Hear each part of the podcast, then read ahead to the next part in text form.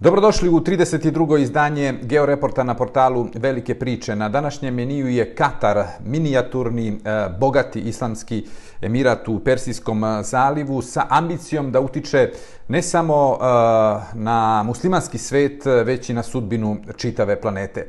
Katar je klasičan primer diktatorskih režima na planeti koji koriste progres moderne tehnologije i ogromne svote novca na raspolaganju da bi zaustavili civilizacijski napredak e, u smeru kreiranja pravnih država koje poštuju ljudska prava i slobode građana. Dobri poznavaoci e, Katar čak apostrofiraju kao Singapur sa minaretima.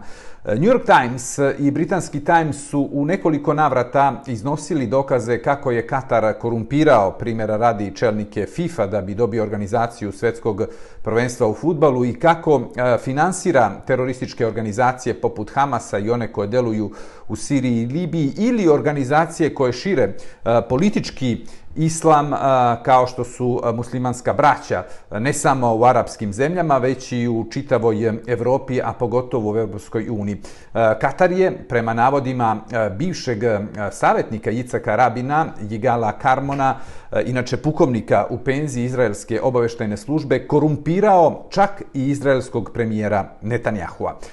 Doha nije e, nikada ulagala velike napore da prikrije svoju podršku islamistima bez obzira gde oni delovali e, u arapskim zemljama ili u Evropi i Americi. Kad god bi neko ukazao na veze Katara sa teroristima, islamistima, na korupciju, kršenje e, fundamentalnih ljudskih prava i sloboda, medijska mašinerija, novinari, analitičari i drugi e, takozvani opinion makeri su uzvraćali optužbama za islamofobiju, rasizam i blaćenje e, Katara.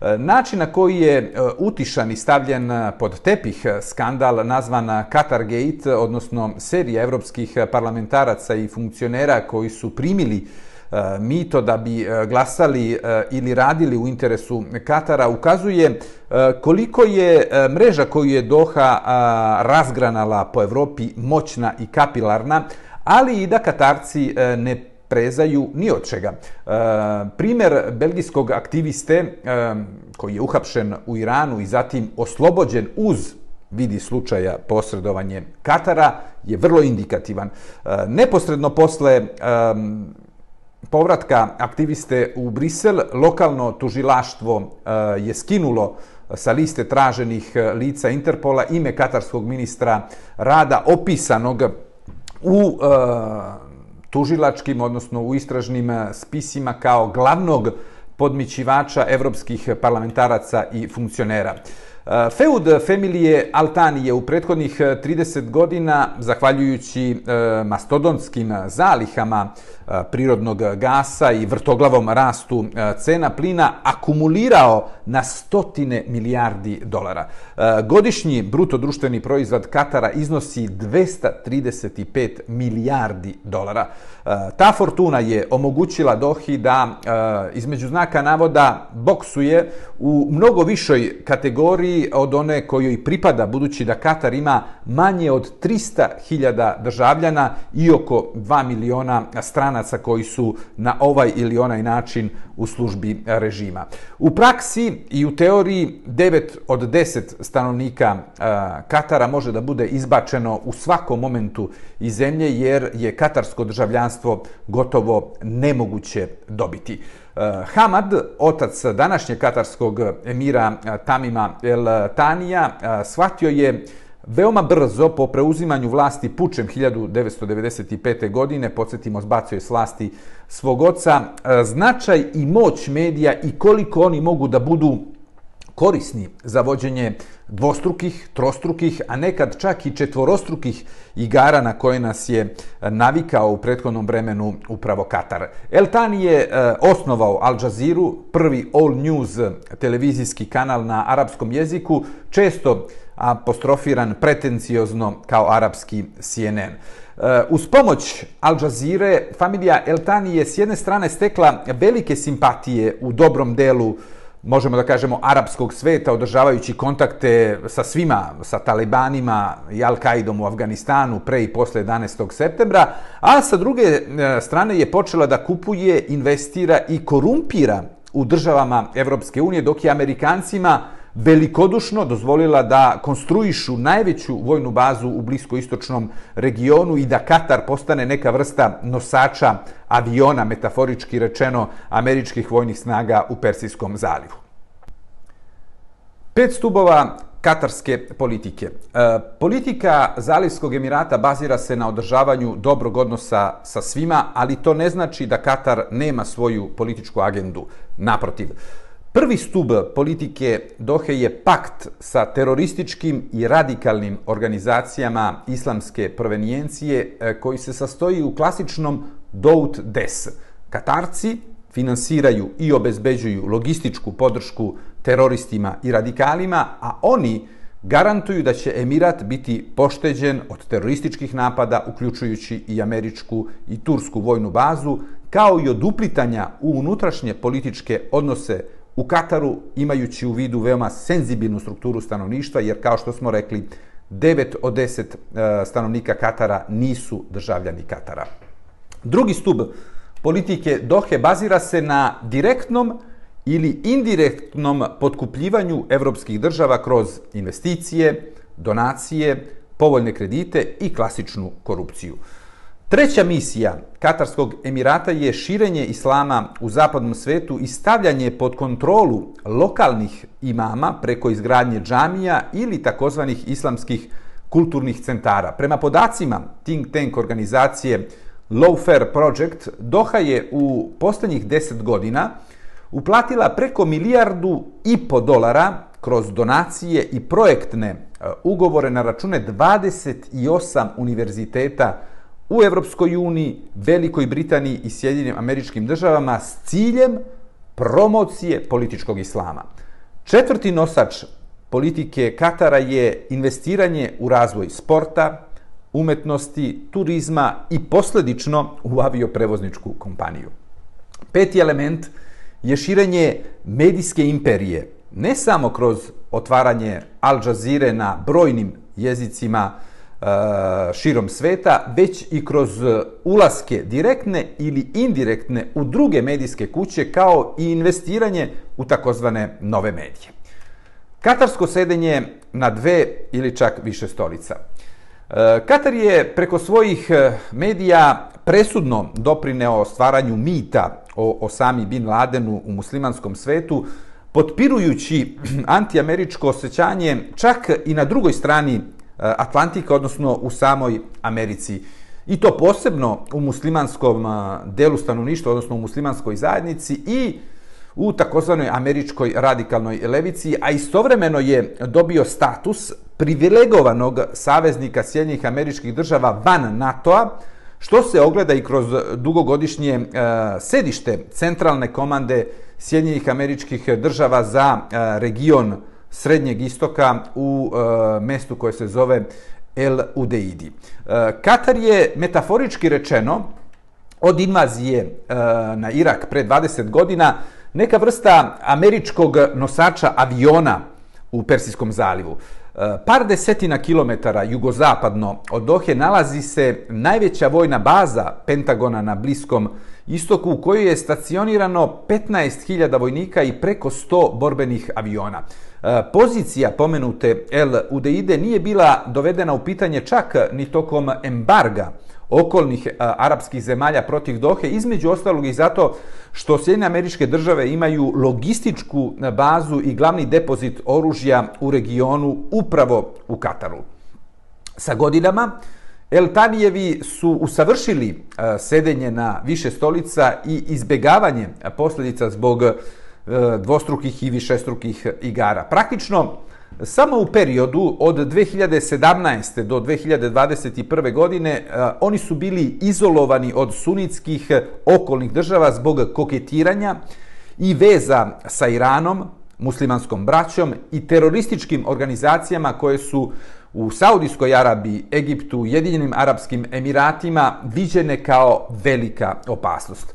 Ovde treba naglasiti i veliko rivalstvo između familija e, koje vladaju petromonarhijama u Persijskom zalivu, od one u Rijadu, Abu Dabiju, Dohi, Manami, Kuvajtu. E, I te podele i to rivalstvo ide mnogo dalje i mnogo dublje od geopolitičkih motiva. Katar i Sjedine američke države. E, bivši američki državni sekretar John Kerry e, kritikovao je Katar da se ne može biti saveznik Amerike ponedeljkom, a utorak slati novac Hamasu. E, ne samo e, što je vreme pokazalo da je to moguće, jer i sam Kerry je 2014. godine koristio katarske veze u pregovorima za primirje između Izraela i palestinske terorističke organizacije, nego smo videli i da Katar uspeva da ima odnose i sa vladom u Izraelu, i sa premijerom Netanjahom, a također i sa liderima Hamasa, čiji je praktično jatak e, u Dohi. Eh, navijanje katarskih medija eh, pod eh, potpunom kontrolom Dohe za Hamas i tendenciozno izveštavanje iz Gaze primoralo je i američkog državnog sekretara Antonija Blinkena da interveniše i zatraži od vlasti u Dohi da se pridržavaju barem elementarnih novinarskih pravila. Međutim, sam Blinken i predsjednik Sjedinih Sjedinjenih američkih država Joe Biden nisu mogli da organizuju i sprovedu e, delimičnu razmenu talaca e, koje je Hamas kidnapovao e, i palestinaca koji su pravosnažno osuđeni za terorizam, ubistva ili pokušaje ubistva izraelskih građana bez pomoći dakle samog Katara.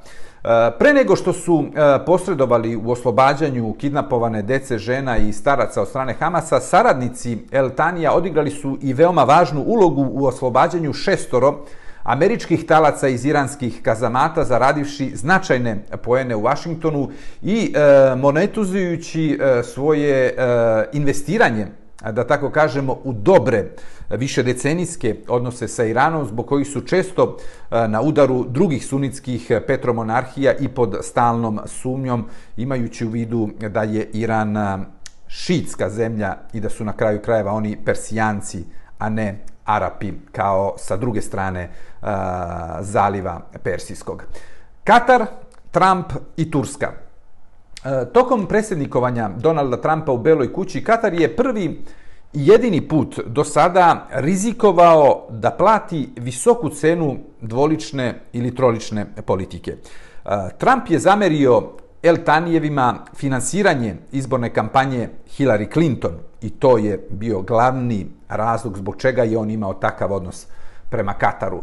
I e, da nije bilo bivšeg državnog sekretara Rexa Tillersona, Uh, i Turske Ređepa Tajpa Erdogana, Katar ne samo da bi bio zadavljen, metaforički uh, rečeno, embargom koji su mu uveli njegovi susedi, već bi bio izložen i mogućoj invaziji od strane Saudijske Arabije i Ujedinjenih Arabskih Emirata uz opravdanje da finansira terorističke organizacije od Al-Qaide pa do Islamske države.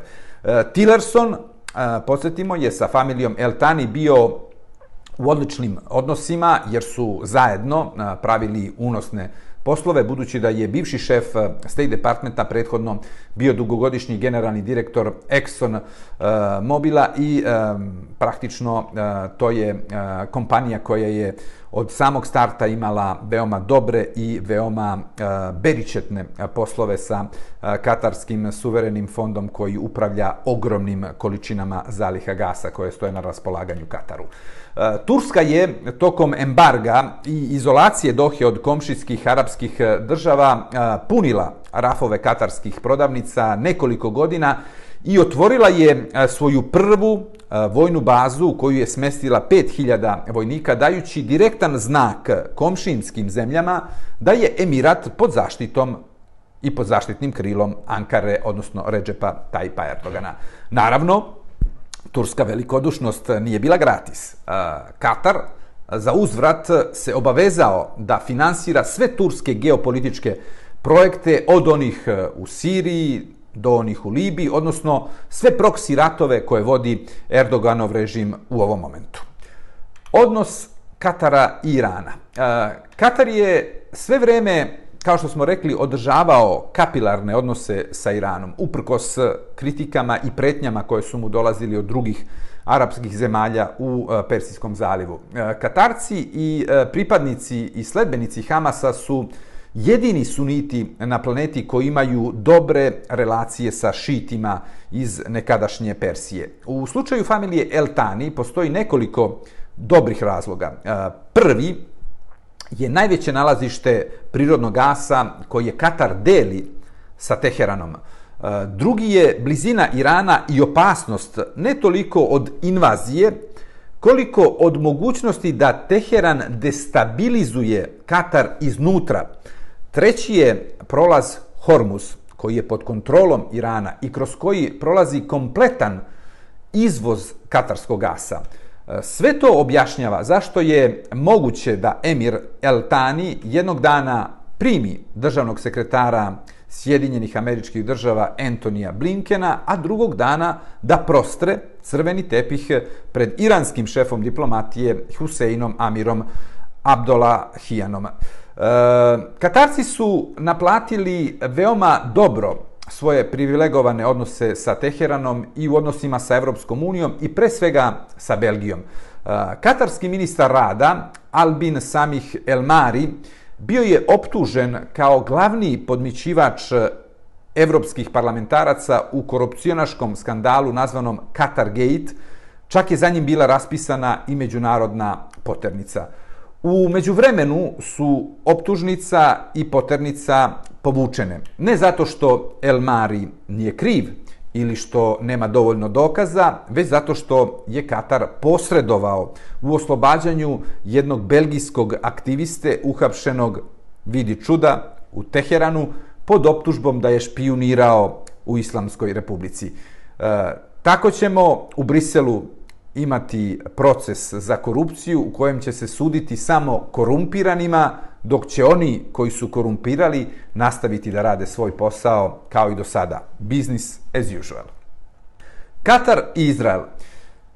Emir Tamin uh, El Tani je jedini uh, sunitski lider u Persijskom zalivu koji nije želeo da normalizuje odnose sa Izraelom i pored toga što je njegov otac bio prvi koji je dozvolio otvaranje kancelarije za ekonomsku saradnju Izraela krajem prošlog veka. Kasnije ta kancelarija je zatvorena pod pritiskom e, Libije koja je tada bila e, pod upravom El Gaddafija, zatim Saudijske Arabije, Ujedinjenih Arabskih e, Emirata i drugih arapskih zemalja koje su izvršile taj pritisak tokom takozvane druge intifade.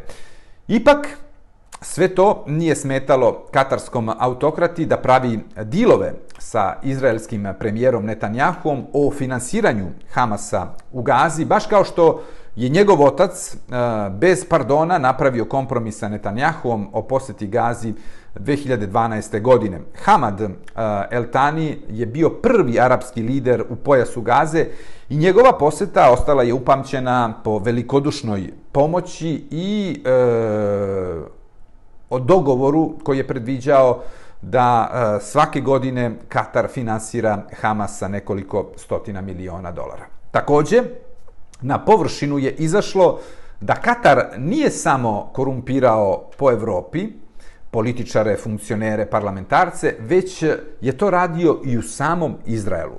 Bivši savjetnik Jicaka Rabina, Yigal Karmon, je optužio Netanjahua da je primio barem 65 miliona dolara od režima u Kataru za svoje dve posljednje izborne kampanje i da zbog toga Netanjahu ne sme da kritikuje Katar i familiju Eltani. Katar i Evropska unija. Evropska unija je bila primorana da zatvori oba oka na sve svoje principe posle invazije Rusije na Ukrajinu, jer je Katar postao veoma važan snabdevač Evropske unije potrebnim, možemo da podvučemo i preko neophodnim gasom. Doha je među najvećim dobitnicima ruske invazije na Ukrajinu, što zbog povećanja cena gasa, što zbog otvaranja novih tržišta. Po rezervama gasa, Katar je na trećem mestu odmah iza Rusije i Irana, iako nastavi da ga eksploatiše sadašnjim ritmom, rezerve Katara će trajati još dva veka. U Evropskoj uniji e, već gotovo dve godine Eh, je zabranjena propaganda glasila Ruske federacije, jer su širila lažne vesti i dezinformacije. Dok katarski mediji, i pored toga što se ne razlikuju mnogo od kolega pod kontrolom Kremlja i što opravdavaju eh, terorizam, nasilje, relativizuju ili mistifikuju diskriminaciju manjina, posebno seksualnih, neće biti eliminisani sa medijskog neba Evropske unije, barem ne u dogledno vreme. Malo zbog geopolitike, a još više zbog novca. E, katarski režim raspolaže tako velikim količinama novca da mogu sebi da priušte luksuz da nekažnjeno korumpiraju predsjednike najvažnijih evropskih država, poslanike u Evropskom parlamentu, predsjednike najvažnijih sportskih organizacija.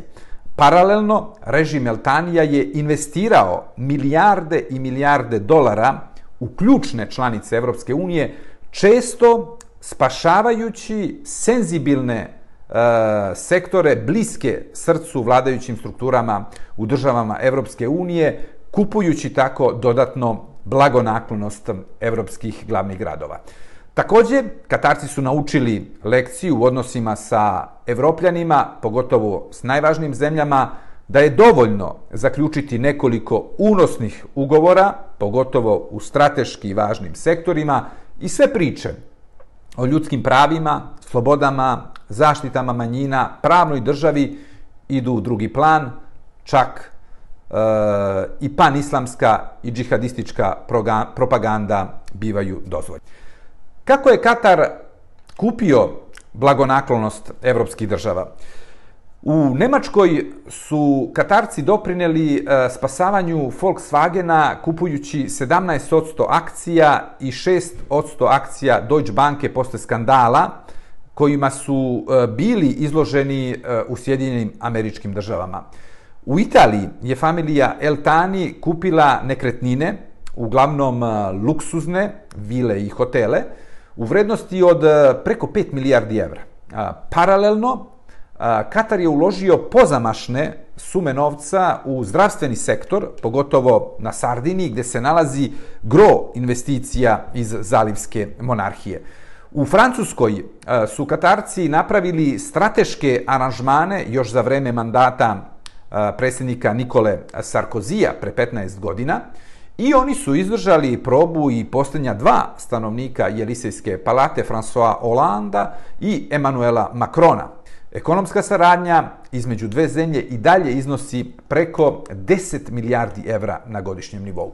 E, osim što je kupio Paris Saint-Germain, Lafayette, modnu marku Valentino i lance luksuznih hotela, e, Eh, El Tani je uložio i milijarde evra u rekvalifikaciju predgrađa francuskih gradova i u izgradnju islamskih bogomolja, i e, islamskih kulturnih centara na tlu Pete Republike. E, Katar nije zaboravio ni Španiju. E, italijanski bivši sedmostruki premijer Giulio Andreotti je govorio da je greh misliti loše o drugima, ali da se često pogodi. U svakom slučaju, ne može, a da se ne primeti koincidencija da je Emir El Tani prošle godine najavio investicije u visini od blizu 5 milijardi evra sa cirkulacijom e, pisma visokog predstavnika Evropske unije Josepa e, Borelja, španskog socijaliste, u kome se od evropskih funkcionera i diplomata traži da razvijaju bliske odnose sa Katarom i stišaju kritike. Samo par nedelja pre nego što je eksplodirao korupcionaški skandal nazvan Qatargate. Inače, Španski socijalisti su tradicionalno propalestinski nastrojeni i stavovi premijera Pedra Sančeza o ratu Izraela protiv Hamasa nisu iznenađujuće e, slični katarskim, pogotovo kada postoje dodatni motivi. E, u Velikoj Britaniji, stalnoj članici Saveta bezbednosti Ujedinjenih nacija i jednom od stubova Severnoatlantske alijanse, Katar kontroliše četvrtinu akcija britanskih simbola poput Harrodsa, aerodroma Heathrow i, bank, i bankarskog giganta Barclaysa. E, Qatar Airways je ušao u vlasničku strukturu British Airwaysa, a Katarski državni fond posjeduje i dobar procenat londonske berze. Na Temzi se već nekoliko godina priča da Eltanijevi posjeduju više skupocenih nekretnina, čak i od kraljevske familije.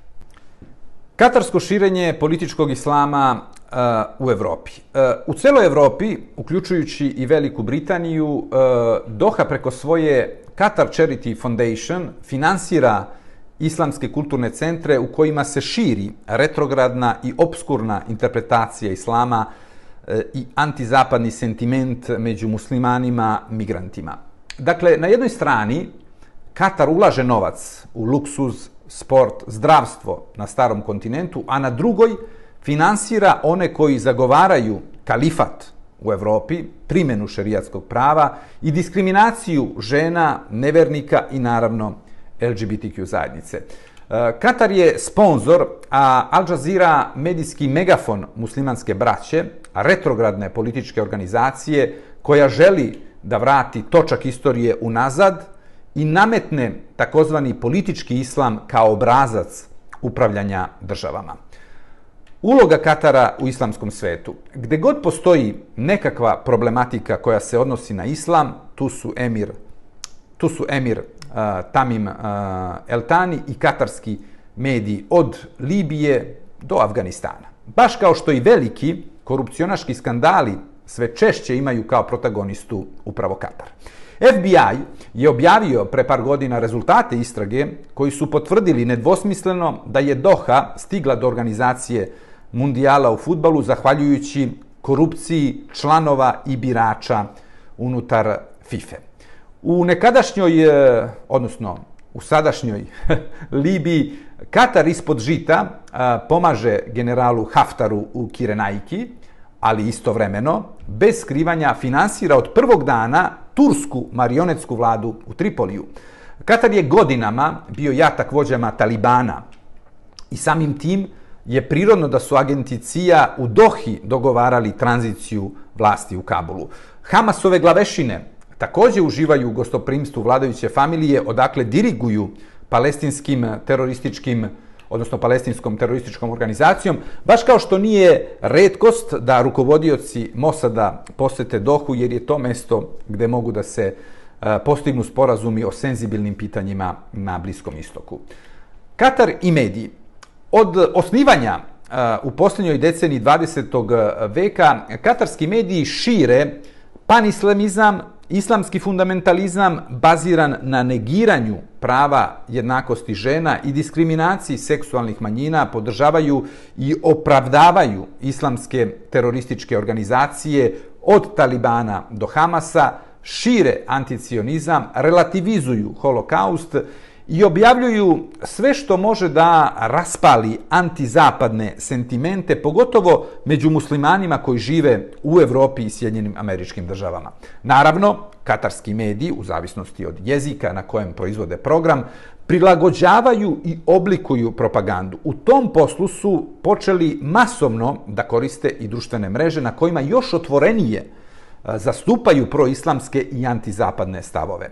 E, nekadašnji dopisnik Al Jazeera iz e, Berlina, e, Sulejman, na osnovu ličnog iskustva zapazio je sledeće. Al Jazeera je televizijski network čiji je stopostotni vlasnik Katar. I njen informativni program je u perfektnoj liniji sa spoljnom politikom Katara. Nije tajna i da su brojni zaposleni u medijima pod kontrolom Katara simpatizeri ili čak članovi muslimanske braće. E, novinari katarskih medija mogu slobodno i profesionalno da izveštavaju samo o događajima za koje vlast u Dohi nije zainteresovana ili nema posebne planove. E, mediji sa centralom u glavnom gradu Katara su u neku ruku e, port paroli familije Eltani i ništa ne može da prođe, pogotovo u glasilima na arapskom i engleskom jeziku, a da nije na liniji ili u službi ciljeva katarske vladajuće familije. Tokom arapskog proleća, pre deseti kusur godina, katarska glasila su se svrstala uz muslimansku braću i zagovornike političkog islama, a protiv aktivista koji su želeli da od arapskih zemalja u Severnoj Africi i na Bliskom istoku naprave države koje će biti bolje i pravednije mesto za život. Upotreba Eh, medija od strane Dohe je bila eh, najslikovitija tokom američke invazije na Irak Sadama Huseina. Iz dva praktično centra, udaljena samo par kilometara, eh, jedan od drugoga, lansirani su TV izveštaji i bombe. Prvi su kritikovali žestoko američku invaziju, a druge su iz američkih vojnih baza uz pristanak tadašnjeg emira Hamada Eltanija pogađale ciljeve u Iraku. I to najslikovitije objašnjava i dočarava kakvu politiku sve ovo vreme vodi Katar. Toliko u ovom izdanju Georeporta. Do sljedećeg slušanja i gledanja. Svako dobro.